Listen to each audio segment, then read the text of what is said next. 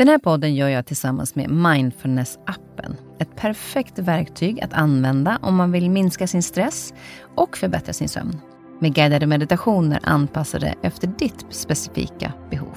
Och på tal om sömn så har jag en väldigt spännande nyhet att introducera för er. Jag tillsammans med Mindfulness-appen har tagit fram en sömnberättelse som heter Visdomen från den blåsiga vägen. Det är en form av godnattsaga för vuxna som får dig att slappna av i kroppen och varva ner mentalt för att lättare kunna somna. Följ med mig på en förtrollande resa som vaggar in dig i drömmarnas värld och önskar dig en skön god nattsömn. Känslor behöver få ta plats både för icke högkänsliga och högkänsliga barn, men högkänsliga barn har ännu starkare liksom, känslomässiga reaktioner. Och får de inte känna att de duger som de är, eller att vi duger som vi är, så är det lätt hänt att vår omgivning blir väldigt invaliderande och att vi växer upp med känslan av att känna att vi är fel. Du lyssnar på en podd från Perfect Day. I veckans avsnitt ska vi prata om högkänslighet, även kallad High Sensitive Person, eller HSP.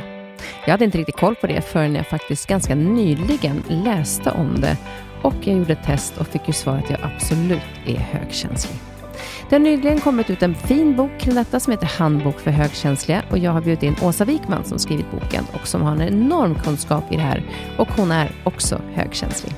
Vi ska prata om vad HSP är, hur man reagerar på olika sätt i olika miljöer och varför det kan bli jobbigt för en som är högkänslig, men också om deras styrkor, för de är många om vi lever på rätt sätt.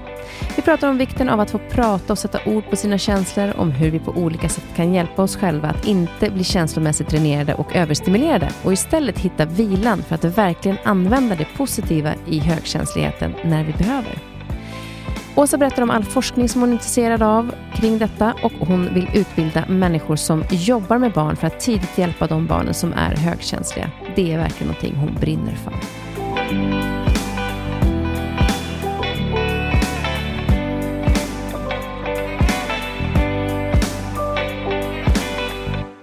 Så välkommen Åsa. Tack så mycket. Jag är ju så glad att du är här.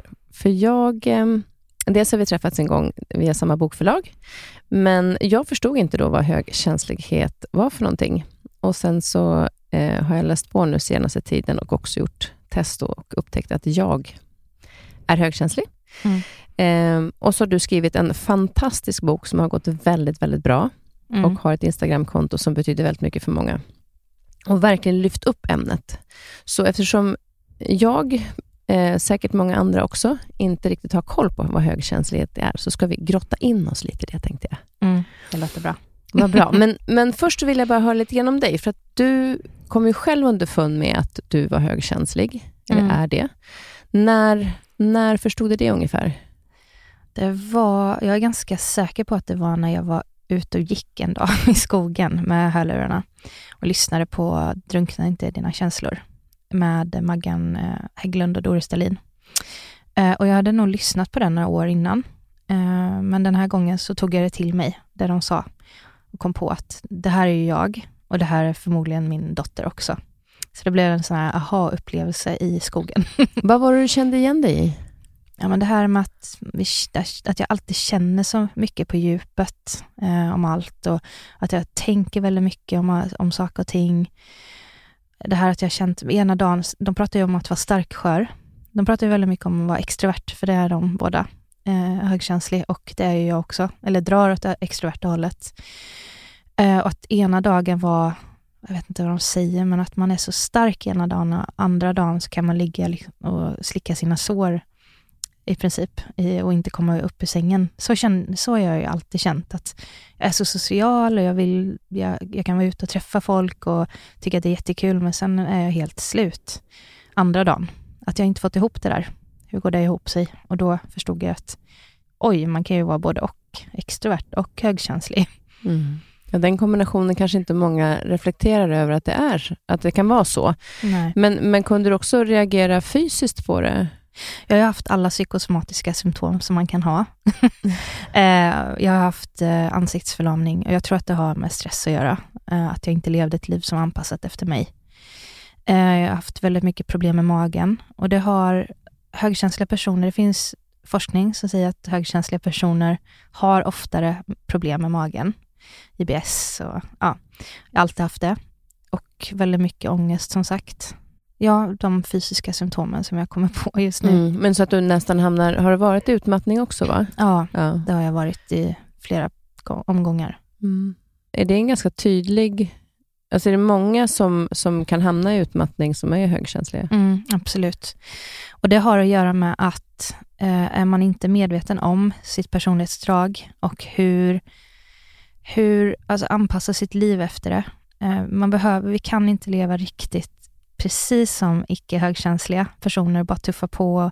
Det är inte alla som orkar jobba fem dagars veckor, 40 timmar i veckan på ett jobb som präglas av hög prestation och kanske har öppna kontorslandskap, mycket möten. Eh, det är inte alla som orkar det, som är högkänsliga.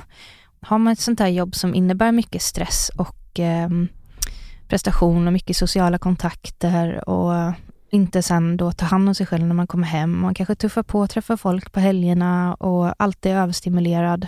Eh, Då, då bäddar det nästan för en, en ganska snabb väg in i väggen, tänkte jag säga. Mm. Eh, Så att många då, har man, tar man inte hand om sig själv, man har inte kunskap om sitt personlighetsdrag då, då har vi en ökad risk att bli utmattade. Det Definitivt. där är så, det är så intressant, därför att jag ehm, fick ju som sagt lite upp ögonen för det här nu och eh, jag har ju hela tiden tänkt att eh, jag också varit utmattad. Eh, Mm. Första gången berodde det inte på bara att jag hade jobbat för mycket, utan det var lite andra orsaker. Men, men att jag hamnat i det igen har jag hela tiden tänkt att det hade med min ADHD att göra. Men Mm. nu när jag läst på om högkänsligheten så tror jag snarare att det är faktiskt mycket mer det Mm. som, som har gjort det. Och då är det, fick jag ännu mer förståelse för när jag förstod också att, att det är en vanlig konsekvens om man inte vet hur man ska hantera, eller vet om att man är högkänslig, Mm. utan att man måste försöka ändra sitt liv. För det är ju också positivt att vara högkänslig. Mm. Vi ska komma in på lite olika saker kring det här. Du har ju tidigare jobbat som socionom, Mm. men nu är det mer och mer högkänslighet som gäller. Precis. Eh, nu med din handbok, eh, handbok för högkänsliga. Vem skulle du säga att boken är riktad till? Boken är framförallt riktad till dig som är högkänslig, som känner igen dig i de här egenskaperna. Eh, Men det är även till anhöriga, till partners, till barn till högkänsliga personer, till föräldrar till högkänsliga personer. Det är till chefer, lärare, pedagoger, socialsekreterare, läkare, psykologer, ja, alla. Mm. alla, alla som kommer i kontakt med högkänsliga personer och eftersom att vi är cirka 30 procent av befolkningen så är det alla. Det är ganska många. Ja, det är väldigt många. Och Det är väldigt roligt nu när jag, när jag pratat om det här med mina kompisar, så är det ju Mm. fler och fler som har bara, Mm. men jag är ju det. Jag bara, Mm. va? Ja, ja, men det kan jag tänka mig nu, när jag, inte, när jag liksom förstår vad det handlar om. Ja. Eh, men om vi går in då på högkänslighet eh, som grund, vad är det? Högkänslighet är ett fullt normalt personlighetsdrag som cirka 30 procent av befolkningen har jämnt fördelat mellan män och kvinnor. Och det innebär lite kortfattat bara att vi tar in väldigt mycket, det, innebär en ökad känslighet för vår omgivning och det har med vårt extra känsliga centrala nervsystem att göra. Så vi lägger märke till väldigt mycket saker i vår omgivning. Det kan vara allt från sinnesstämningar till kroppsspråk till andras känslor. Eh, det kan också vara fysiska detaljer såsom eh, att en klocka tickar, att någon pillar på sina naglar eller någon smaskar. Det är det värsta ljudet högkänsliga personer vet. Eh, och eh, sen så bearbetar vi allt det här eh, och tänker väldigt mycket och djupt om det vi tar in. Det kan vara att vi ser någon som är ledsen och så börjar vi fundera, så här, varför är den personen ledsen? Och så börjar man tänka på sin egna, någonting som har liksom med sig själv att göra. Och sen så, som idag körde jag förbi väldigt mycket olika saker, men eh, jag möttes av, på vägen hit, möttes jag av en eh, brandbilar, massa brandbilar, en polisbil, några polisbilar. Och jag kan inte sluta tänka på vad det var, så jag ringde Johan, min man, och han kollade upp. Då var det en brand, en villabrand. Och jag har liksom inte slutat tänka på det sedan dess. Det där är ju så typiskt då, alltså väldigt nyfiken. Eh, Och allt det här då, en annan grundegenskap, är vår tendens att bli överstimulerade. Så nu på morgonen har jag också kört förbi en kyrka där det stod massa människor och väntade på mat. Och då kände jag så här, hjärtat värkte för dem. Och så, ja men bara så här, väldigt mycket som det, vi tar in väldigt, väldigt mycket. De flesta kanske inte hade tänkt vidare på det där med brandbilarna och polisbilarna. Kanske inte ens hade lagt märke till den här kön som ringlade sig väldigt lång. För de här människorna då som inte har någon mat, som inte har några pengar. Eh, och så kommer jag hit och så, då har jag liksom tagit in väldigt, väldigt mycket redan klockan nio på morgonen. Mm. Eh, så det där och då bli överstimulerad, det är jag inte nu. Men då kan vi bli överstimulerade och det innebär att vårt nervsystem hamnar i obalans och vi får symptom som kan vara vad som helst, yrsel, huvudvärk. Det kan komma plötsligt, det kan komma långsamt. Um, och vi är också mer emotionellt reaktiva, så vi reagerar mer både på positiva och negativa upplevelser. Jag tänker, när du säger när man reagerar på negativa upplevelser, om, om någonting har eh, eh, skett, så att, som det känns som att det är mitt fel, mm. fast och då, då, kan jag tänka så här, men gud, var det verkligen det? Mm. Och sen kan jag gå jättelänge och tänka på det där, även om jag förstår att, nej men gud, det var ju inte jag som hade orsakat det. Men jag kan ändå inte sluta tänka på det för att jag känner att, kunde jag ha gjort någonting annat om det här nu har påverkats negativt mot några?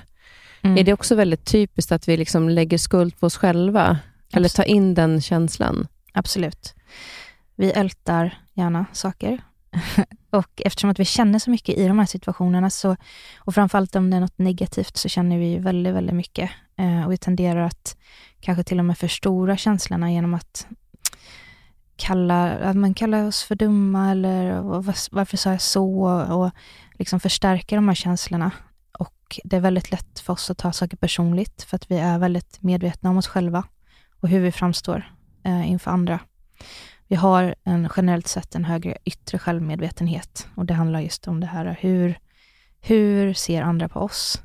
Hur påverkar jag andra också? Eh, den inre självmedvetenheten.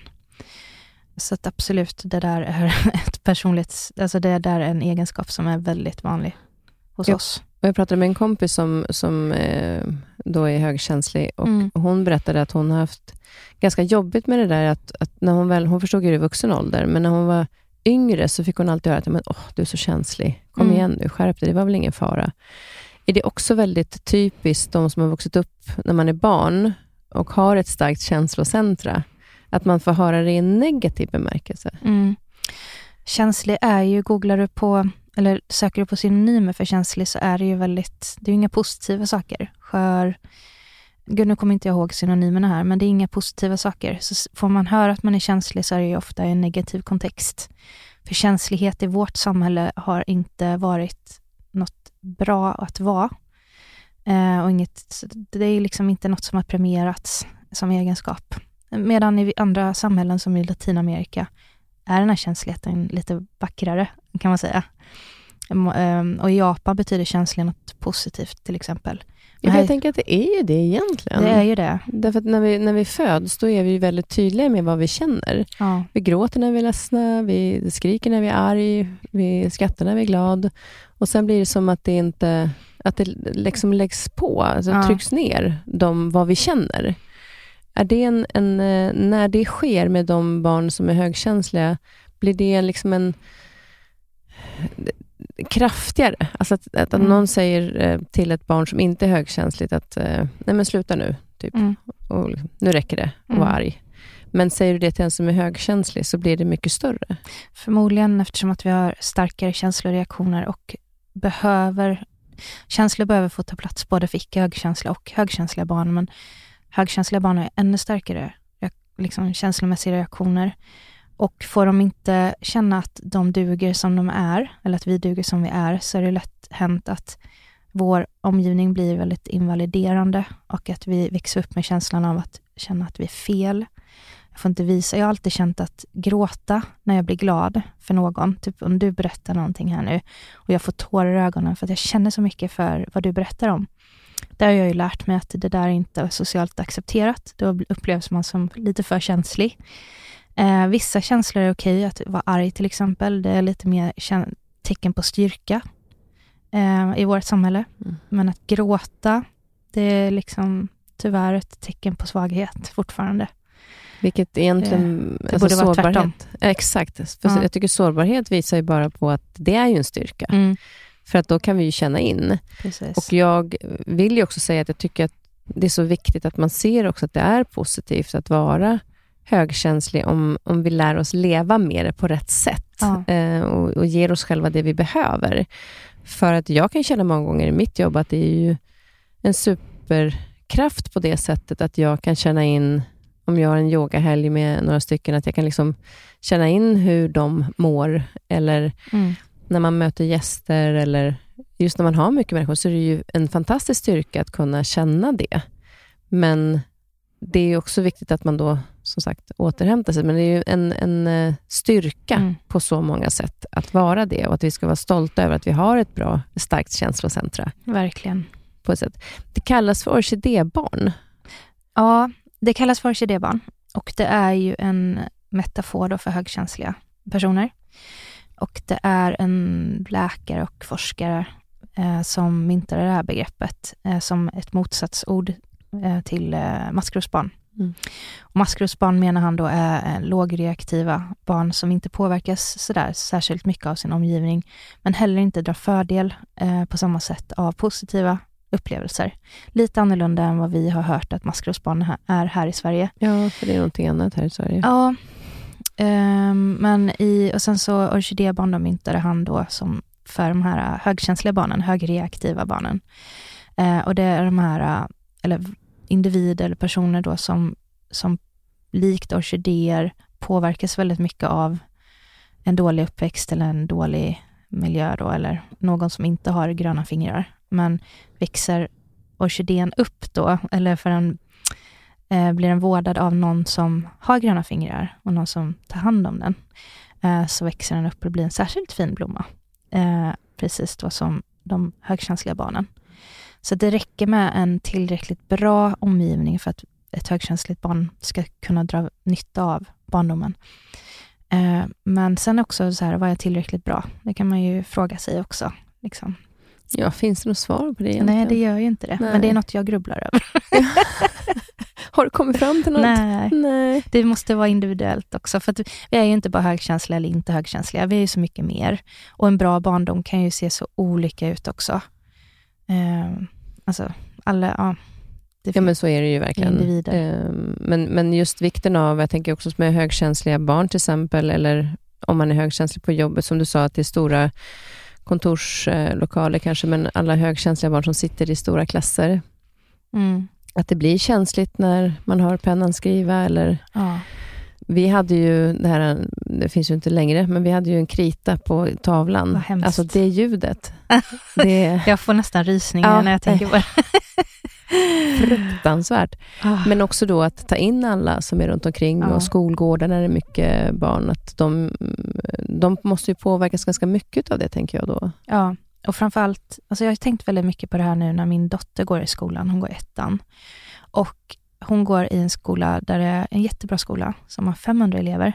Det är alltid jättemycket barn ute på en ganska liten gård. De är tre parallellklasser i en, sam, en och samma kapprum. Sen har de sina egna klassrum och där är de 28 personer. Och hon är så överstimulerad när hon kommer hem. Hon är högkänslig. Mm. Och ja, hon får ju ha hörselkåpor och det finns lite saker hon kan använda sig av och sitta och pilla på när hon inte kan sitta stilla och sådär. Men eh, jag tänker ju att jag var ju nästan aldrig överstimulerad när jag kom hem. Men det har ju att göra med att jag gick på en liten skola. 20 elever i varje klass. En eh, årskurs i varje. Liksom. Så att 150 elever på en stor skola, eller på en liten skola, men med jättemycket om, alltså vi fick, hade hela skogen för oss själva. Och sen kom min mamma alltid och hämtade oss eh, innan fritids. Så jag gick aldrig på fritids heller. Mm. Så utan att hon visste det så blev jag aldrig överstimulerad. Men i dagens samhälle då, då är ju, i dagens skolor så är det mer stimulans än vad det var när vi var små, skulle jag vilja säga. Nu kanske du växte upp i Stockholm, jag växte upp i Sunne i Värmland. Mm. Det är lite annorlunda. Det är lite annorlunda, ja exakt. Men eh, ja, det är tufft alltså. Jag tror att framförallt högkänsliga barn har det väldigt tufft i skolan. För det finns Mm. inte samma, finns inte ett fack som tar hand om dem om de har klagomål till exempel på arbetsmiljön, för det är deras arbetsmiljö. Miljö.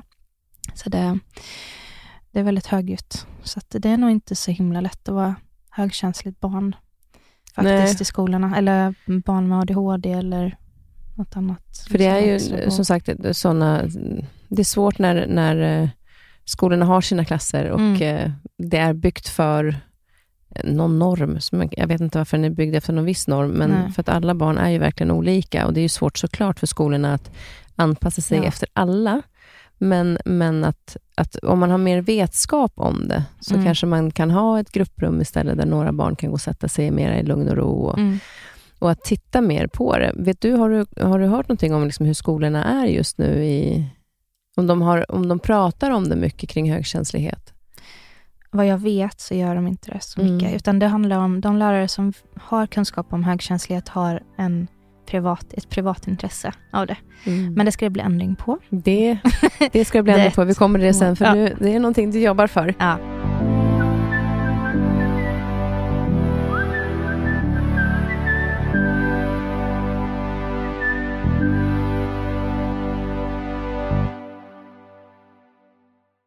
Men konsekvenserna då kring eh, när man får den här överstimulansen. Mm. Eh, hur skulle du beskriva överstimulans? Jag tänkte man ska, att när man är överstimulerad när man kommer hem, är det nervsystemet då som Mm.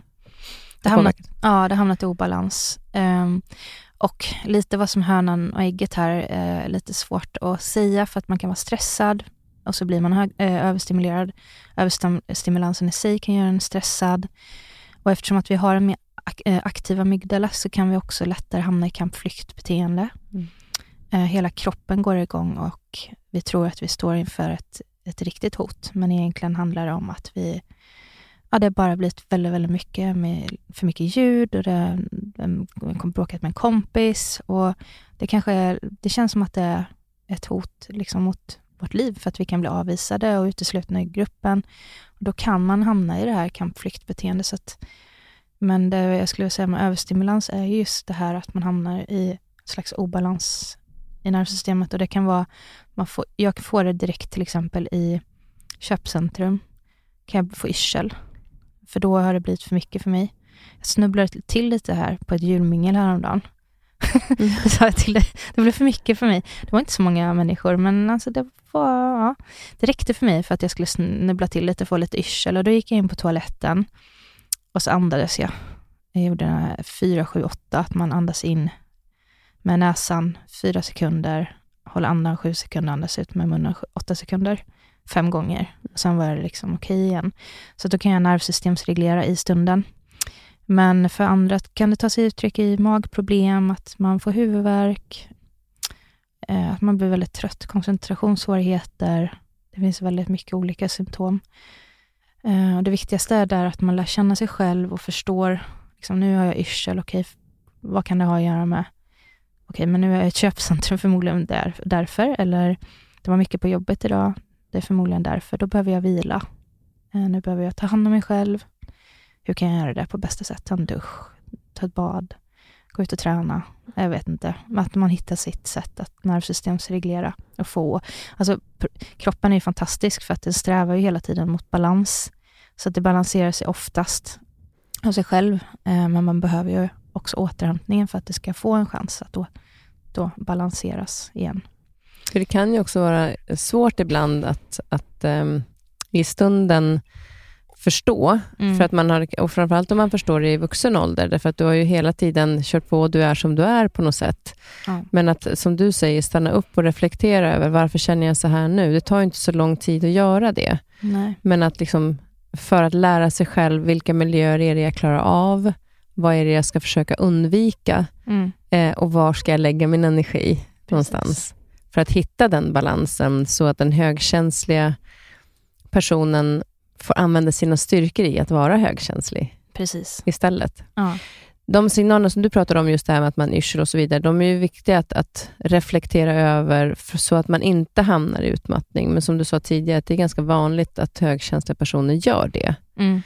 Men eftersom man inte har pratat om högkänslighet, så ju, kan jag förstå att många hamnar där igen, för man tittar åt fel håll. Mm. Man kanske inte förändrar sin vardag på rätt sätt, för att Precis. man har missat att det är högkänsligheten det beror på. Mm. Så den, och det är ganska lätt att, att ta reda på om man är det eller inte. Vi ska komma till det sen. Men just de här styrkorna, som jag tycker är härligt att man, att man ändå lyfter. på vilket sätt skulle du säga att, eh, om du tar olika exempel på när det är en styrka? Alltså alla, alla utmaningar som vi har är också, förutom överstimulans, mm. Eh, är också styrkor. Så den djupa bearbetningen gör oss otroligt eh, analytiska. Och vi har väldigt hög intuition. Vi känner oftast liksom, om det är någonting eller det kan vi använda både i privatlivet och i yrkeslivet. Att när vi tar, vi tar jättesnabba beslut baserat på saker som information som vi har tagit in blixtsnabbt eller under en lång period och sorterat och får jätte, liksom, ta jättebra beslut. Och eh, vi, den här empatin som vi har, den hjälper oss att skapa otroligt starka och fina band med människor. Vi måste vara duktiga på att sätta gränser bara. Mm. och eh, alltså det är ju väldigt härligt. Vi är väldigt, alltså, att vara emotionellt reaktiv, att reagera så mycket på skönhet. Att bli så liksom, glad när man ser något till synes litet i naturen till exempel. Att man ser något som man tycker är så himla vackert och hela, hela kroppen bara fylls med glädje. Det är inte alla som får, har den där härliga extra, liksom, det, det där extra känsliga. Det skulle jag aldrig vilja vara utan. Och sen vår otroliga alltså kreativitet. Uh, jag kan ju, jag kan ju bli, un, jag underhålls liksom av min hjärna ofta. jag behöver inte liksom stimuleras av andra. Jag kan bara liksom, jag kan skratta åt mina egna tankar. Och jag underhålls både på dagarna och på nätterna av mina drömmar. Vi drömmer ju väldigt, alltså ganska intensivt. Det är härligt om det är positiva drömmar, sen kan det vara lite jobbigt om det De andra är inte så roliga. Men vi är otroligt kreativa då, och så att det är bra om vi får utlopp för den här kreativiteten. Eh, och vi, är, vi är kreativa på olika sätt såklart. Man kan vara kreativ i sitt jobb, liksom, när man träffar människor, att man är kreativ i sättet. Och man kan vara kreativ med händerna, skapa saker. Men alltså, om någon frågar mig om jag skulle vilja vara utan högkänslighet, om jag fick ta bort den, då skulle jag absolut inte göra det. För att den ger mig, den förkyl, förkyl, förgyller mitt liv. Jag skulle inte kunna leva utan den. Sen är det lite utmaningar och de jobbar, jobbar man med dem så går det att bara liksom, då går det att verkligen njuta av styrkorna. Ja, det finns ju många, jag läste lite grann också det här med att man, eh, om man kommer in i ett rum, man kan se kanske att eh, mm. folk är lite stressade och så vidare, då kan man känna in, jag kanske sänker lyset lite grann, så blir det lite mysigare mm. inne, eller man tänder lite ljus, eller mm. att vi känner in det ganska snart, och så kan man se att det blir en lugnare stämning? Eller? Ja, vi är ju ofta medlare också. För vi känner ju in eh, människor så mycket. Och vi har väldigt lätt för att, ja, men precis som du säger, det där vi vet precis vad som behöver göras i ett rum för att det ska bli bättre stämning. Både emotionellt, så här, känslomässigt, vi kan säga något roligt kanske. Det får inte bli på vår bekostnad, för som när jag har varit innan. Sagt någonting dumt om mig själv och så har alla skrattat och så nej, okej, okay, de blev glada, men jag, ja. Men att man vet, så här, man känner att det behövs någonting här. Okej, okay, vi fixar stämningen genom belysning som du sa, eller att vi pratar om någonting, eller vi skojar lite, eller för mig har det varit otro, en otrolig egenskap i jobbet som socialsekreterare. När vi har placerat barn så har jag lätt kunnat snappa upp saker och ting i rummen, eller att jag sett att de har tittat på någon, eller jag har också känt direkt om någon har ljugit. Jag vet, vi satt i något möte där. Sen är det frustrerande när man jobbar. De flesta kollegorna var bra, men ja, man jobb, alla tycker inte samma. Nej, och jag hör ju, okej, okay, men nu ljuger hon, den här farmor då. Hon ljuger. Hon sitter och ljuger. Nej, nej, nej, hon ljuger inte. Jo, jag hör att hon ljuger. Liksom. Hon talar inte sanning. Och sen lägger jag, jag har alltid lagt ihop saker och ting väldigt, väldigt snabbt. Och vi har en otrolig perceptiv förmåga också. Vi tar in väldigt mycket information man tar in hans kroppsspråk, han tittar dit och hon sa så här. Okej, det här, jag känner att det här är, liksom, att det här kan vara att den blir utnyttjad sexuellt eller okej, jag förstår precis vad ni menar familjen med att eh, pappa dricker, hur det känns. Det, det där var ju med egna erfarenheter, men att jag också kunde sätta ord på när man träffar de här eh, familjerna där det förekom alkohol, att jag verkligen kunde förstå utan att de behövde säga någonting högt också. Det vet jag, vet att många kände så en lättnad av att bara barnen satt alltid i mitt knä efter en, liksom under. Och det var ju alltså, både positivt och negativt, för det kändes som att de inte ville lämna mig. Liksom. Mm. Och då, då kan det komma lite för nära ibland. Men man har en otrolig den här empatiska förmågan. Vi har verkligen, eh, kan vi hantera det och inte ta på oss andras liksom, problem, då är vi fantastiskt nyttiga. Jag tänkte säga, en fantastisk tillgång eh, i människovårdande yrken också. Ja, för jag tänkte precis på det, vilka yrken som det är en fördel faktiskt att Mm. man är Mm. eh, HSP då, som, som det förkortas som. Alltså orkar man med det, så lärare, pedagog, eh, sjuksköterska, eh, läkare kan ju vara bra om de har lite, lite där, alltså mer att de kan sätta sig in i det man, liksom, våra känslor också. Mm. Ja, exakt. Inte bara det, det Det var inget mot alla, men um, socialsekreterare, men också, jag möter ju väldigt, väldigt många nu då i mitt jobb nu. Alltså som författare, ja, skådespelare, de här som, du, som, som dig, som håller på med liksom, och kör sin egna grej helt enkelt. Ehm, och är kreativ i sitt jobb. Väldigt drivna. Alltså att man gör något kreativt, att man ja, känner efter lite. Vad, är, vad tycker jag om att göra? Vad är mina värderingar? Vad kan jag tänka mig? Vad kan jag tumma på? För att man kan ju inte alltid få allt. Liksom. Vissa grejer kommer vara lite obekväma och lite utmanande. Men eh, till exempel, alltså, egen, alltså entreprenör är ju väldigt härligt, tycker jag. att man är själv. Eh, sen kan man också slå över och man blir ganska isolerad eftersom att man är ganska, jag är ganska bekväm med liksom, den här eh, egna, träffar inte så mycket människor just nu. Och då kan det ju slå över, det kan vara bra att träffa lite människor också.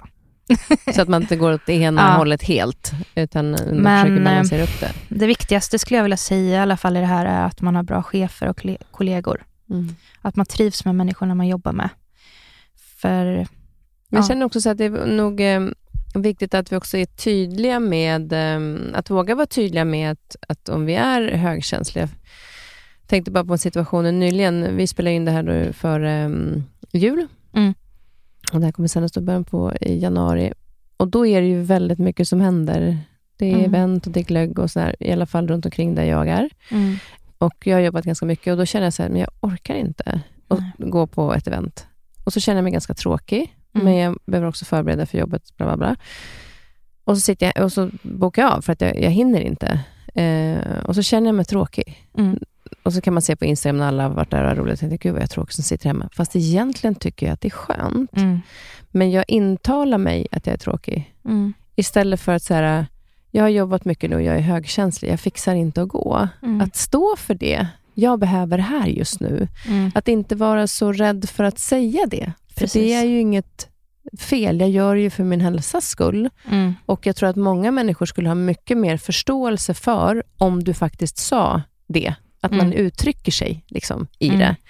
Så jag tror att om man, om man misstänker att man är en högkänslig person, så tror jag det är ganska viktigt att ta reda på det och se, som du säger, vad mår jag bra utav? Så att våra styrkor verkligen får blomma. Precis. För det ger ju gott för andra också. Mm, Men när man pratar om känslor då, så tänker jag att eh, om vi eh, ska försöka få upp vårt känslocentra som då poppar som popcorn Ja. ibland.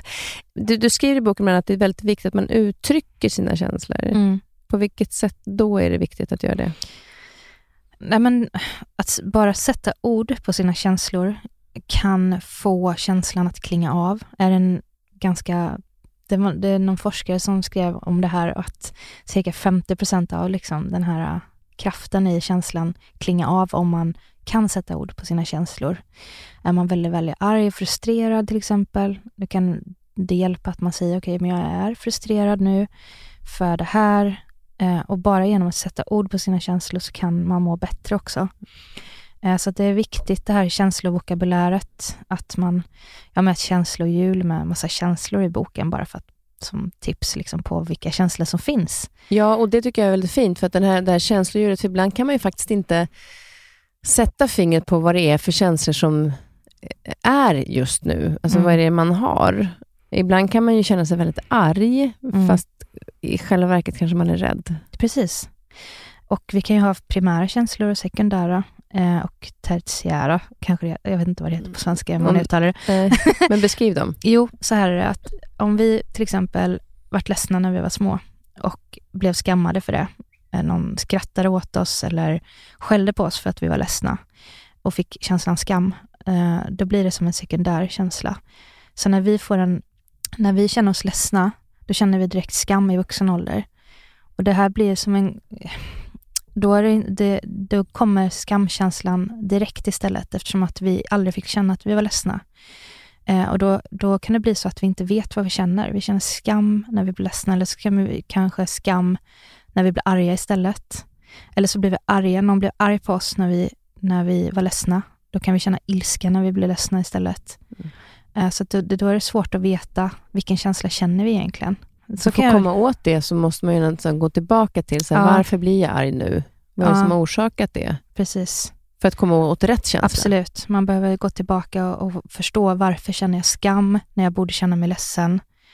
Jag kan ta ett exempel på det här. När jag var liten eh, så kände jag, jag har med det i boken faktiskt, jag stod i ett hörn, jag har så himla stark, starkt minne av det här för att min mammas, våran hund dog.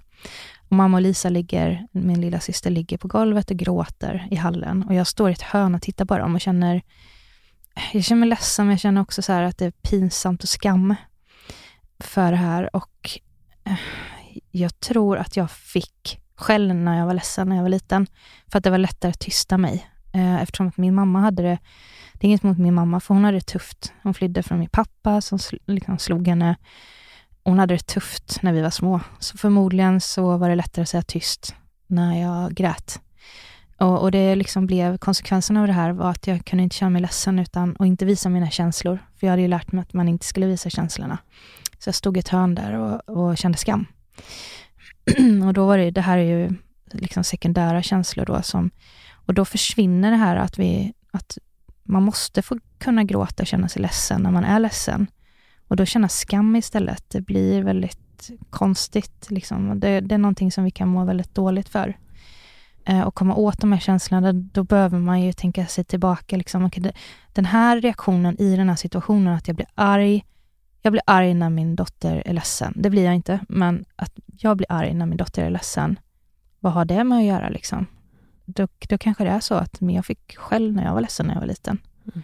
Och där skapar de känslorna. Gråten skapar ilskan. Vi är så komplicerade vi människor.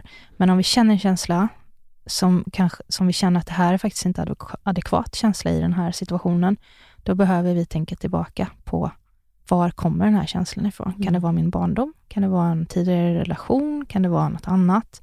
För den är inte adekvat för situationen. Liksom. Nej, och jag tänker ibland så kanske man... Eh, det är bra om man kan komma tillbaka till och se varför man reagerar så, eh, var det kommer ifrån i grunden. Ja. Men jag vet en gång när, när under pandemin så var jag så arg på alla som åkte längre än två timmar. Mm. Eh, det var Kristi himmelfärdshelgen, då när pandemin hade börjat. Mm. Och så kände jag liksom inte igen min egen känsla, för jag blir inte så lätt arg på andra. Alltså, framförallt inte i en sån situation. Men, och då kollade jag på hon Brené Brown, som pratar om att sårbarhet är en eh, styrka. Ja. Eh, och där hon sa att gå, fundera på vad det är som gör det. Och då gick inte jag tillbaka till liksom, alltså, när jag var barn, utan jag bara tänkte, så, men vad är det egentligen jag känner? Ja, men mm. vad fan ska jag känna mig? Liksom? Ska jag sitta här själv? Mm. Då insåg jag ju att jag faktiskt kom tillbaka till att jag var ju ensam, kändes det som. Mm. Men jag började tänka på, är jag ensam? Mm. Nej, det är pandemi. Eh, vi får inte umgås.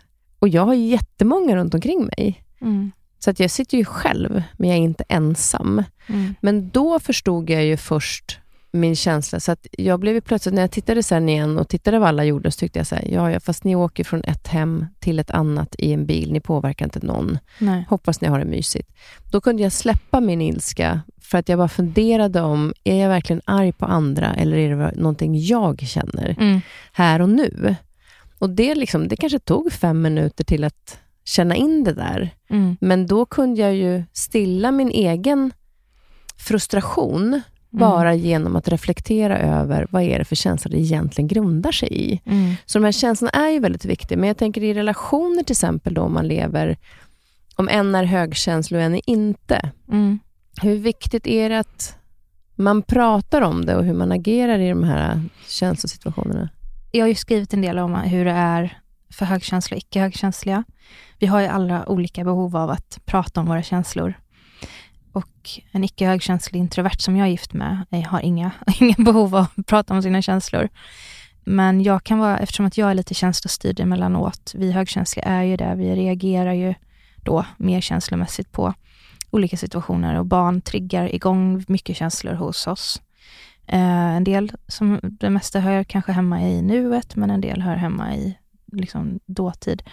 Men då brukar jag alltid försöka förklara i alla fall varför, okay, varför jag reagerar så här. Att man i alla fall, att jag får prata, då kan jag i alla fall säga det högt. Okej, okay, nu reagerar jag så här på grund av det här. Min man kanske inte behövde den förklaringen, men nu får han den förklaringen, för han får lite utbildning i känslor då. Jag vet inte, jag tvingar till exempel, han, nu bara tar jag mitt från mitt eget liv för att det är så enkelt att bara ge, ge exempel. Men en person som inte har samma behov, jag tvingar inte honom att prata om känslor, gör jag inte. Däremot tvingar jag honom att lyssna lite aktivt. Och det kan jag ibland känna att jag, jag har mer behov ibland att bara få prata. Ja. Och sen kan jag säga, du kan hålla käften, jag vill ja. bara att du lyssnar. Ja. För att jag har ett behov av att säga vad jag känner och att han, den personen behöver inte lösa mitt problem. Nej. För det kan jag, är många som vill, med, med väl mening. Mm. Men, men jag tycker att det är skönt att bara få uttrycka vad det är jag tänker och känner och sen bara låta det vara, om mm. det inte är så att den andra personen tycker om att prata om känslor. Det behöver den inte göra. Nej. Men att det inte är fel att vi behöver få ventilera ibland. För det är det ofta vanligt att det är viktigt för oss högkänsliga att göra det. Ja, vi har mycket känslor och vi, har, vi tycker om att prata om djupa saker. Jag kan lätt... Vi, alltså vi tappar lätt bort oss om vi pratar om ytliga saker. Här sitter vi och pratar om ganska djupa saker. Då kan jag hålla fokus. Men skulle vi prata om vädret, då skulle jag bli uttråkad efter en 30 sekunder. Det skulle ta för mycket mental energi. Det är inte värt att investera den energin. liksom. Så tänker vi, tror jag. Nej, men just det att man, att eh, man har behovet av att prata om ja, de känslorna. För att vi, vi har ju det. Och då är man inte analyserande, utan man bara har behov av att prata om det. Ja. Men det är också viktigt kanske att vi högkänsliga också har respekt för de som inte faktiskt mm. vill prata om känslor och inte har det behovet. Nej men precis. Jag kan säga att jag känner mig som en ut, ganska arg utbildare hemma ibland. För Johan, min man då, han är kanske manligt, jag ska inte säga manligt och kvinnligt, men en del vill bara ge en lösning. Kan du inte göra så här då? Ja men nu, nu vill jag bara prata, nu vill jag att du lyssnar bara. För att jag kan, jag har svaret själv. Jag vill bara prata av mig liksom. Och sen då är de här, jag har hört att det kallas för att vara en samtalsnarcissist. Att, ja men sådär, jag känner igen det där, för jag har varit med om exakt lika, samma sak. Jag, jag känner exakt som du, jag vet precis hur du känner. Sen där har jag ju också varit av välmening innan. Men, men det vill man ju inte ha. på det nu då? Ja, men nu, nej, till min man säger jag, nu är du samtalsnarcissist. För jag skojar ju också, med lite allvar till andra som gör det så tänker jag att de gör det av välmening. Mm. Eller så att de inte förstår att de försöker bara vara snälla. Mm. För det är, eh. det är ju alltid egentligen, man kan aldrig riktigt förstå vad den andra personen faktiskt känner. Nej, Sen kan man ha upplevt någonting liknande, men man känner det på sitt eget sätt då. Det är bara, alltså man, jag tänker att man försöker snälltolka lite, mm. helt enkelt. Snälltolka tycker jag är fint. Ja. Men det är också flera som har skrivit till dig eh, via ditt Instagramkonto, att du faktiskt har räddat relationer. Mm. Finns det något exempel på det? Man, nej, det låter lite ego att säga så, men det är faktiskt många som har skrivit det. Eh, men det roligaste är... Alltså, gulligaste är ju de här som är lite äldre, typ 60-70, som faktiskt följer mig. Jag har en liten skara som är äldre. Det var någon som skrev att jag hade räddat relationen mellan henne och hennes gubbe, för nu förstår han henne mycket bättre. Och de har fått rätt många sådana faktiskt. Och det är ju fantastiskt. Det är ju det, därför jag gör det här. För att jag ska hjälpa andra människor. Och, och sen har jag fått också från unga tjejer, kanske 15-16, som skriver att de har fått så mycket hjälp och hon och mamma till exempel delar inlägg från mig varje dag. Då känner jag, gud, alltså det är så lite svårt att ta, åt, ta till sig. Är det verkligen jag som har gjort det här? Eller liksom, mm, där har ju någon, jag någonting att jobba med. Eh, men jag blir så jätte, jätteglad. Ibland får jag lite tårar i ögonen när jag läser. Så. Om jag har hjälpt en person så har jag lyckats. Så. Och just som högkänslig så är det ändå väldigt fint att du också kan känna det nu och ta till dig det. Mm. Um, och inte med tanke på erfarenheten stänga av den biten, utan faktiskt bli lite tårögd också av det. Ja. Men du var inne på det, mamma och dotter där. Jag tänkte också på om man, om man som förälder också har ett högkänsligt barn, Mm. kan det krocka eller är det hjälpsamt? Både och. Så länge man inte båda är överstimulerade så är det... Nej, men eh, fördelarna och styrkorna är ju såklart att den högkänsliga föräldern med insikt om sitt personlighetsdrag kan verkligen hjälpa barnet att eh, förstå sina styrkor och hantera utmaningarna. Och att man faktiskt inte behöver prata utan att till exempel då, nu tar jag från mitt eget liv för det är så enkelt att bara ge exempel. Men jag, min dotter behöver inte förklara varför hon inte klarar av ljud i någon form eller rörelse. Att någon går runt henne när hon kommer hem från skolan och hon är överstimulerad. För jag förstår precis hur ont det gör i hela kroppen när någon pratar. I hennes fall är det ju lillebror som är jättejobbig. Eh, och sen kan inte han sluta existera, han är ju en del av familjen. Så hon får ju ta på sig hörlurar då. Att jag hela tiden ligger där, steget före med henne. Men sen problemet blir ju när eh, jag lätt blir överstimulerad och går upp lite i varv och blir ganska lätt orolig också. Då påverkar hon mig väldigt mycket. Mm. Så hon vet precis vilka knappar hon ska trycka på sådär. Men då kör vi lite så här, Johan, nu då smsar jag honom, fast vi är i samma hus ofta. För att hon inte ska höra, för hon har väldigt, hon lyssnar på allt. Nu byter vi, för nu tappar jag snart tålamodet. Att man är så ärlig mot varandra, att man faktiskt kan hjälpas åt där. Och så går Johan in och han är mycket lugnare eh, och känner inte de här sakerna som, som jag gör. Och den är ju så otroligt viktig. Jag tänker på vad många gånger man skulle underlättat kaos eh, genom att faktiskt be om hjälp. Ja, det är När det. vi många gånger kanske tänker att vi ska klara oss själva hela tiden. Att man inte känner sig tillräcklig. Mm, Men det är ju så det fungerar. precis. Och är du trött och överstimulerad så förstår du att du inte gör nytta i den situationen. Och Mm. då kan någon annan komma in. Och nästa gång så är det ju tvärtom. Ja, Då kan ju faktiskt du kliva in när du inte är överstimulerad och, och har den här känslan av vad hon har för behov. precis. Och det behöver inte vara partner, för alla har ju inte en partner. Man kan vara ensamstående, men att man kanske vågar fråga sin mamma, pappa, svärmor, granne.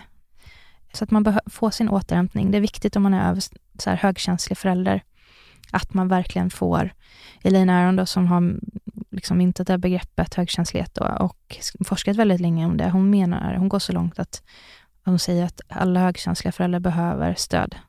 Man klarar det inte helt själv. Eller klarar, gör man säkert på något sätt, men man behöver det här stödet. Man måste våga fråga om hjälp. Det gör inte en till en sämre förälder, utan tvärtom, man orkar ju mer då om man får sin eh, avkoppling. Man kan göra Alltså man får några timmar sömn eller vi behöver ju mycket sömn, vi högkänsliga. Vi behöver ju vår återhämtning. Mm. Och får man inte den, då är det klart att då blir man ju lättare då, överstimulerad. Och då tänker jag också att vi, även om vi behöver då den eh, extra vilan kanske, så har vi också många styrkor i att vi är högkänsliga när vi har barn. Verkligen. Om det används på rätt sätt. Så det betyder ju inte att vi är en sämre förälder för det. Nej. Utan det finns ju mycket positivt med att vi också har den här högkänsligheten när det gäller barn. Att vi känner in hur de mår och vi kan se kanske saker som inte andra reflekterar över Mm. innan någonting sker. Alltså den är ju jättefin att ha som förälder. Verkligen. Men att vi behöver en vila just därför att vi eh, ska kunna ha de krafterna. Ja, men precis. Jag pratar väldigt mycket om utmaningar, men det är ju såklart, det alltså, det är ju en väldig styrka att vara högkänslig förälder också. Jag är ju den som hela, jag vet att skulle, skulle någonting hända så är det jag som får familjen att överleva kan jag ju säga. Min man hakar på liksom. Eh, jag ligger hela tiden steget före med allt. Det gäller allt från att se till att barnen har kläder till att de, deras blodsocker är i balans till att kompisarna är på gott humör så att inte, jag hör direkt om det börjar bli lite så här mellan tjejerna att mm, det börjar bli lite dåligt. Men jag hörde att någon var lite taskig så här. Då kommer jag in direkt och så här, kan, vad, hur, eh, vad gör ni nu tjejer och ska vi göra något annat kanske? Och Johan har ju noll. Jag hör från övervåningen att stämningen börjar bli lite konstig. Så här, att det börjar bli bråk mellan Isabella och Alexander. Han hör ingenting. Han liksom reagerar när det händer när det blir någon som slår någon. Utan, jag hörde, häromdagen hörde jag från övervåningen att stämningen liksom blev, jag vet inte, mer spänd. Så att vi ligger hela tiden steget före och ser till att barnen har det liksom bra. Det är och faktiskt det också en en enorm fördel. Ja, Så det är ju det som jag tycker är så fint med det, att det finns ju så himla många styrkor med det. Ja. Bara man får egentligen den här återhämtningen mm, som är sund för alla. Ja.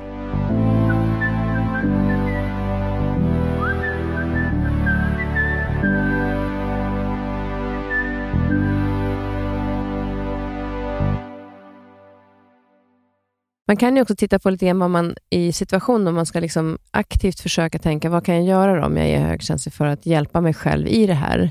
Så vet jag att du bland annat skriver om det här med att vad kan jag påverka och inte påverka? Mm, det är väldigt viktigt. I vilka situationer tänker du då när man är högkänslig? Saker som vi ältar.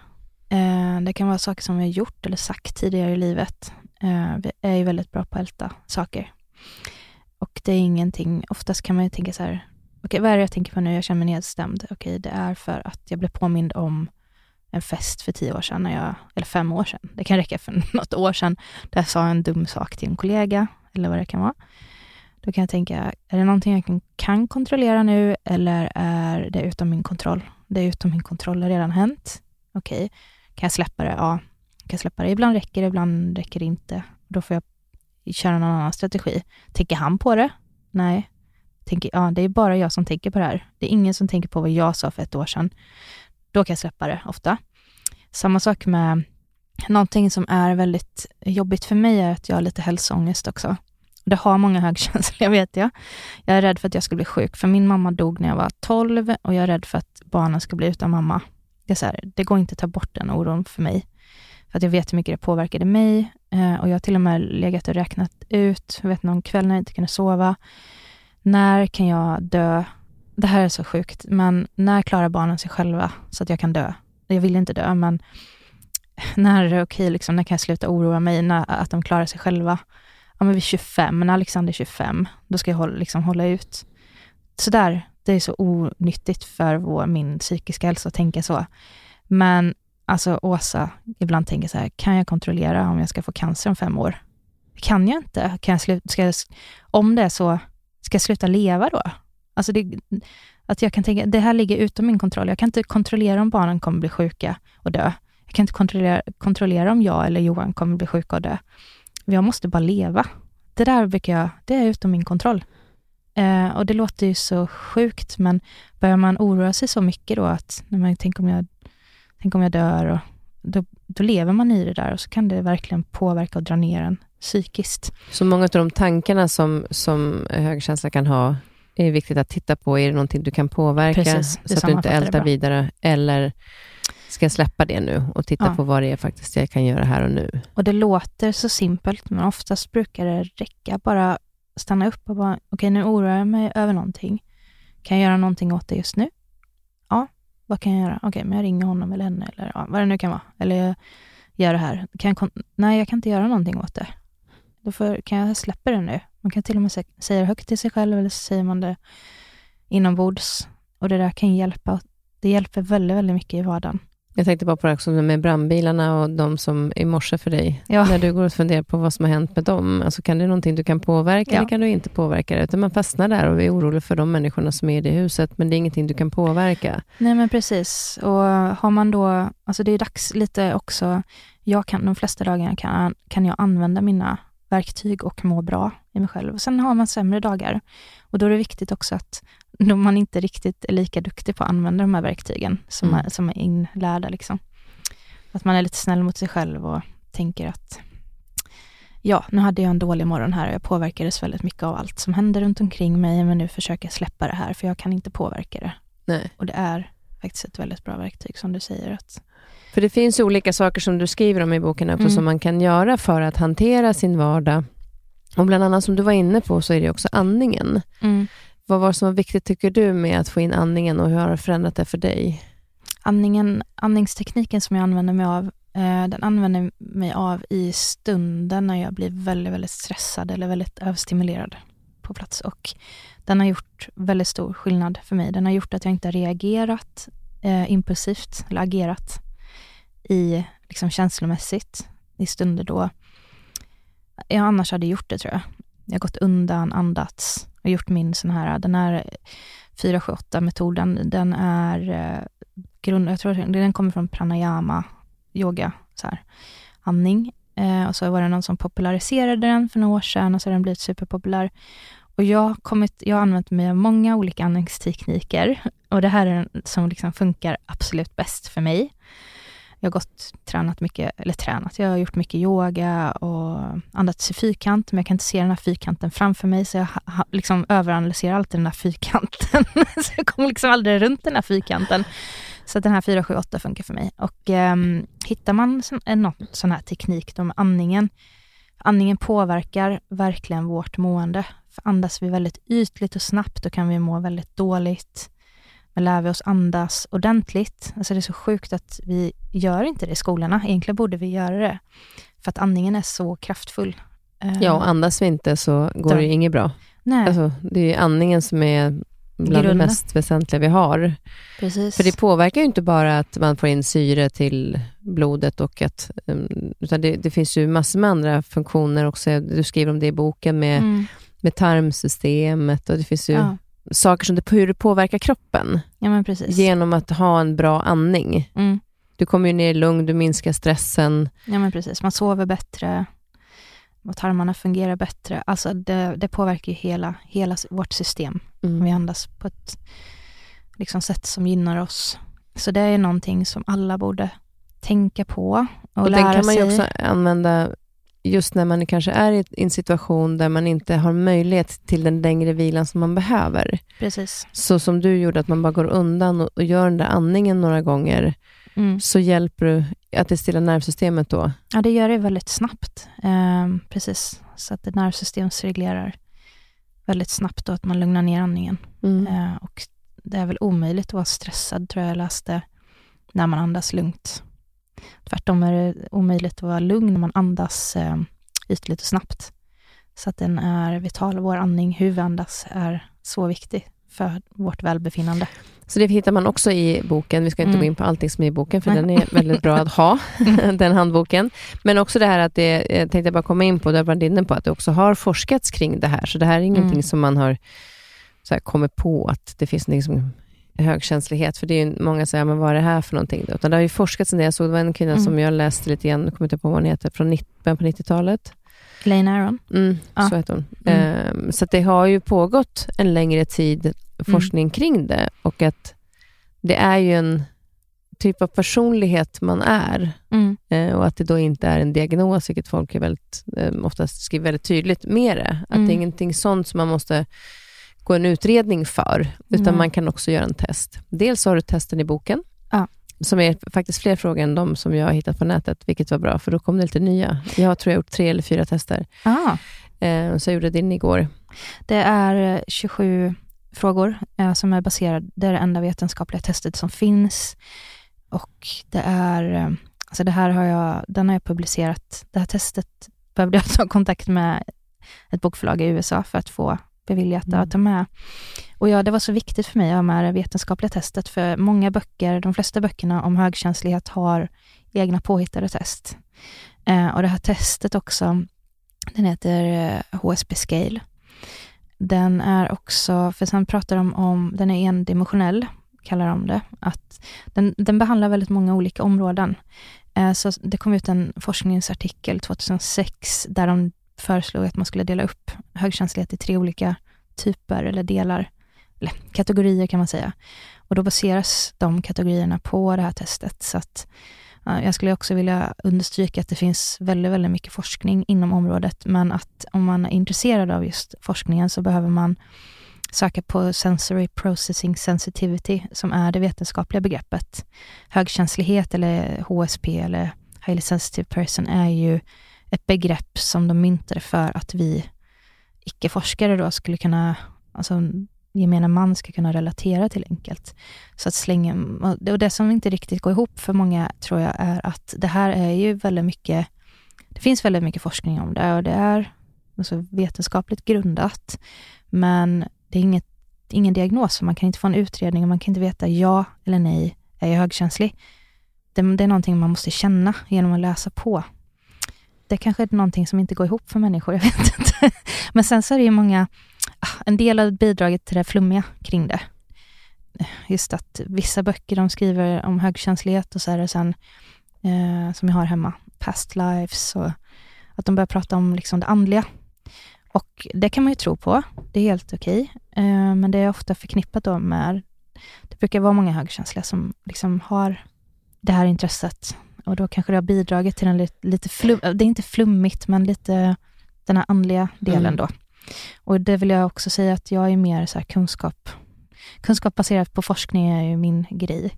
Och sen blanda in mina egna erfarenheter bara för att, jag vet inte, Ja, men det är också viktigt för då får man exempel på hur Ja. situationer kan vara. Nu tror jag också det att när jag gjorde det på nätet så är det att bara egentligen att frågorna är lite annorlunda formulerade. Ja, I grund och botten är de lite likadana. jag var tvungen att översätta själv nämligen från Ja. engelska. Men, men, ja, exakt. men för det var en sak som jag tänkte på om man gör de här testen, att man verkligen ska läsa dem noggrant. Därför att det var en fråga som jag kunde ha svarat nej på, men sen insåg jag att det var ja. Ja. Därför att det var ju till exempel när, om andra lägger på massa jobb på dig, Mm. typ blir du irriterad då, eller har du svårt att hantera det? Mm. Eh, och jag tänkte så här, men jag har inget svårt att hantera massa jobb. Men sen när jag läste igen så stod det när andra Mm. lägger det på mig. Ja, just det. Mm, det är en skillnad. För jag själv har inga problem att strukturera upp och göra massor med olika saker. Men däremot om det plötsligt kommer från något annat håll, Mm. då blir jag jättefrustrerad Mm. och har svårt att hantera det. Mm. Så att man ska läsa frågorna ordentligt, för Ja. att det, det kan vara ett ord som, som gör lite skillnad, jag som läser snabbt. För jag har ju då, som jag pratat om, ADHD, Mm. så då kan det gå lite fort. Men, eh, men jag tänkte faktiskt på det, för när jag tittade då och har läst lite grann nu och tittat också på andra personer som, har, eh, som är högkänsliga, så ser jag att det är flera också som har ADHD. Har du sett eller läst någonting om det? Om det finns liksom, att det är vanligt att många som, eller flera av de som har ADHD också är högkänsliga? Mm, det har jag. Jag har läst två eller tre forskningsartiklar eh, där man ser en positiv korrelation mellan ADHD och högkänslighet. Så många med ADHD har liksom också högkänsligheten då. Tvärtom, eh, eftersom att det är mycket, som vi sa, eller ja, det är betydligt fler som är högkänsliga, så alla högkänsliga har ju inte ADHD, men tvärtom är det väl förmodligen att många är högkänsliga också. Eh, sen så, alltså det som inte går ihop med mitt huvud eh, är ju att hög, eh, högkänsliga personer, man har sett att vi har en högre dopaminnivå.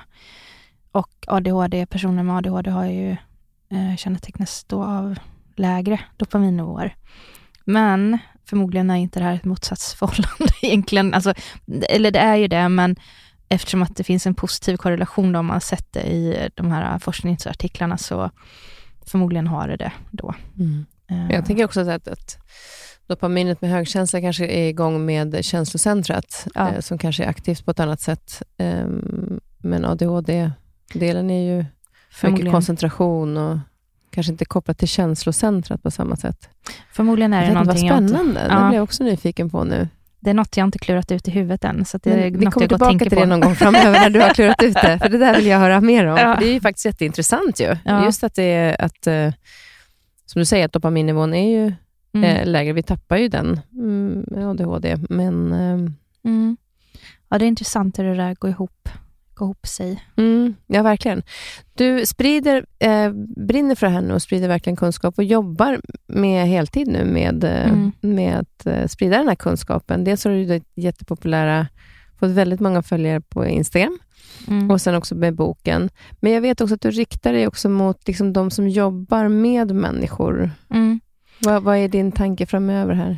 Så mitt mål är ju att alla som jobbar och kommer i kontakt med barn i sitt yrke eh, och även då föräldrar med sina barn, de ska ha kunskap om de här barnen som är högkänsliga. Så det är ju mitt långsiktiga mål och det är mitt nästa projekt. Att Eh. göra, liksom, jobba gentemot skolor och så? Eller? Ja, Mm. att det ska, ja, det ska finnas material för de här personerna. Att de ska ha kunskap, alla ska veta vad högkänslighet är. Alla lärare, alla pedagoger och jag förstår ju att det inte det är en minoritet, men det är en stor minoritet, så man behöver ha kunskap om de här barnen för att utan kunskapen om de här högkänsliga barnen så finns det en väldigt stor risk att de utvecklar psykisk ohälsa i, i, i den skolmiljön och eh, förskolemiljön som, som det är just nu. Och eh, så att liksom med den här kunskapen så kommer jag, jag är helt säker på att den psykiska ohälsan kommer minska. om man möter de här barnen. Och det kan räcka med att man ger dem ett par hörselkåpor för att inte bli överstimulerade. Att man bara visar att man ser dem, att man ger dem ett alternativ att gå ut och sätta sig vid prov. För man underpresterar ju om man blir överstimulerad såklart. Att man försöker liksom anpassa miljön lite åt de här, för de här barnen, att man visar att, de, liksom, att man förstår. Jag tror inte att det är jättestora åtgärder heller som skulle kunna göras ganska Nej. på ett enkelt sätt, utan att man ändrar liksom för det är mycket som man ska få igenom i skolplanen och ja, det det. skol, hur de utbildar och så vidare. Men, men just sådana saker när det gäller högkänslighet, så är det ganska små eh, förändringar som kan göra väldigt stor skillnad och också göra skillnad för andra barn och för, för mm. lärarna. Det blir ju lättare också för de andra runt omkring. Precis, och veta det här också, att, för att jag, jag är som en liten socialtjänstpolis på förskolan och skolan då, där mina barn jobbar. Så att jag ser ju, kommer jag in på skolgården, då ser jag och hör väldigt, väldigt, väldigt mycket. Um, jag vet inte hur många gånger jag tröstat barn, men där hör jag också att vissa pedagoger, och då, då har de bra, jag vill bara säga det till skolan och förskolan, är ju bra generellt sett. Men det finns vissa pedagoger, vissa lärare som är väldigt hårda i tonen det funkar inte. Alltså, barnen, de högkänsliga barnen låser sig eh, och blir väldigt, man har, de har hög, eh, alltså en stark inre kritiker. Eh, de är ofta väldigt perfektionist, alltså har perfektionistiska drag och många låser sig. Det är väl inget barn som vill bli skällt på framför andra. Man ska inte skälla, alltså man kan säga på ett annat sätt. Men jag hör att en del är väldigt hårda i tonen.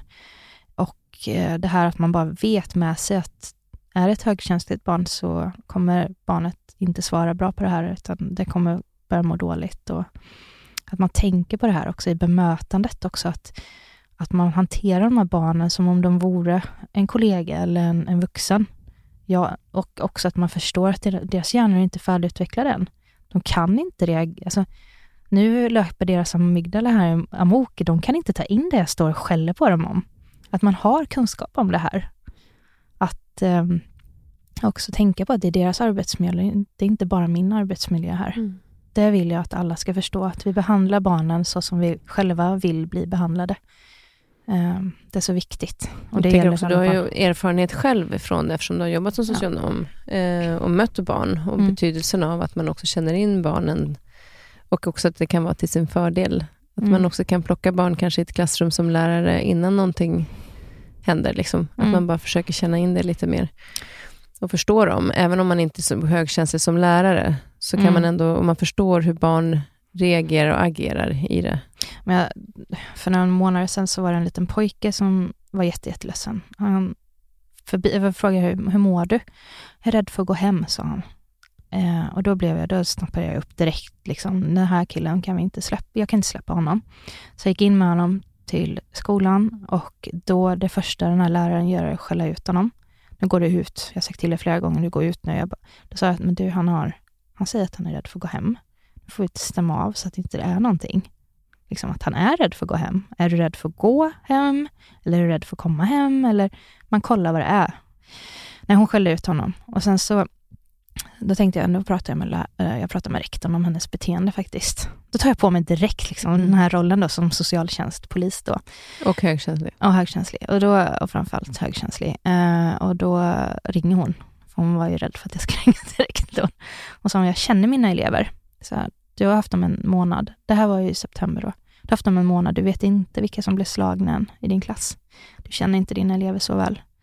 Uh, och säger någon att den personen, alltså att barnet är rädd för att gå hem, då ställer du de frågorna. Mm. Så där känner jag så att det här är några lärare. De, jag vill ändå tro att de flesta är väldigt omtänkfull, mm. omtänksamma. Men så är det ju att det är många, eh, det finns fantastiska lärare. Mm, det men, gör ju det. Ja, men det är viktigt också att vi hjälper de som inte riktigt förstår. Mm. Eh, kan man ju säga. Mm. Att, då i sådana fall, att de som inte har riktigt förståelse för det, Mm. Eh, vill du hjälpa till att... Nu berättar jag bara något eget här. Som, nej men det är viktigt som, som sagt att, att alla har kunskap om de här barnen.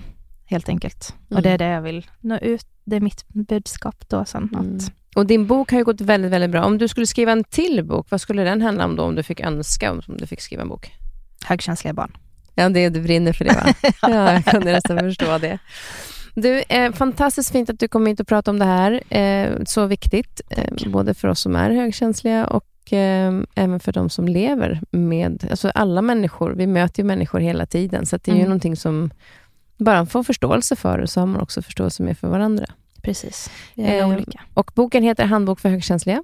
Instagramkontot är Orkidébarn Sverige. Precis. Om du är nyfiken på någonting, då vad skulle det vara? Oj, jag är nyfiken på vår hjärna. Och den, mer, alltså jag är nyfiken på all forskning om högkänslighet. På all framtida forskning om högkänslighet. Jag bara väntar på att få mer forskning. Du sitter och grottar i det där hela Ja. tiden. Jag, Ja. bara, jag hörde att Elaine är på någon retreat och jag tror hon skriver forsk alltså hon forskar mycket nu, Elaine Aron. Jag bara längtar efter hennes artiklar och kanske en ny bok eller längtar efter min egna nya bok, tänkte jag säga. Precis. jag bara fortsätta. Bara fortsätta. Vad härligt. Tack snälla för att du kom hit. Så fint att du pratade om Tack. det här och grattis till en väldigt fin bok som har gått Tack. väldigt, väldigt bra. Och du ska få avsluta med en låt. Mm. Vilken låt vill du avsluta med? Eh, Brent Morgan, eh, Some Days. Some days. Vad betyder den för dig? Den, han sjunger om... För mig betyder den... Jag sätter på den när jag är ledsen, ofta. För att jag känner mig mindre ensam. Han... Ja, jag tror han sjunger om depressioner. Eh, och att han känner att ingen tycker om honom vissa dagar. Och det känner jag igen mig i. Och att han önskar att han levde ett vanligt liv. Och där känner jag väl också att jag hade inte velat ta bort högkänsligheten, men jag har ju ofta haft väldigt mycket psykisk ohälsa. Att jag hade önskat att jag inte hade haft så mycket psykisk Mm. ohälsa som jag hade haft. Men jag tänker nu när du har liksom kommit, vet din, din högkänslighet, hur, hur har du förändrat vardagen idag? Jag mår hundra gånger bättre. Högkänslighet, alltså kunskapen om högkänslighet har gjort att jag mår bra. Alla Vilka har förändringar har du gjort då i vardagen? sätter gränser, jag vågar säga nej till personer, jag står upp för mig själv. Jag gör saker som jag får energi av. Jag är snäll mot mig själv. Jag säger snälla saker till mig själv. Eh, Jag mår jättemycket bättre. Och det har också med, alltså, det har med mitt jobb med boken att göra. Allt jag har lärt mig är i boken och på mitt Instagramkonto. Det är jobbet som jag gör där och träffar andra högkänsliga själar också. Mm. Så att det har gjort stor skillnad. Mer, alltså större skillnad än all terapi jag har gått i, kan jag säga. Bara, bara men ändå vetskapen om Ja, eh, hur du fungerar. tänka tillbaka i, till liv, liksom på livet utifrån den här kunskapen och omvärdera livet lite utifrån den. Mm. Har gjort stor skillnad också. Så att eh, vi högkänsliga behöver förstå att vi är högkänsliga och få lite verktyg för att verkligen kunna få ta del av våra styrkor. Så här, dra fördel av dem. Och det gör jag idag. Så fint att höra. Då tar vi och avslutar med din låt. Tack Mm, snälla tack. för att du kom, Åsa. Tack. Some days I feel make a good sunset. Some days I just don't wanna give up yet. Nu när vi klivit in på nya året så är det många som vill ha en ny start och kanske extra nu efter att det har varit ett ganska stökigt 2023 för många.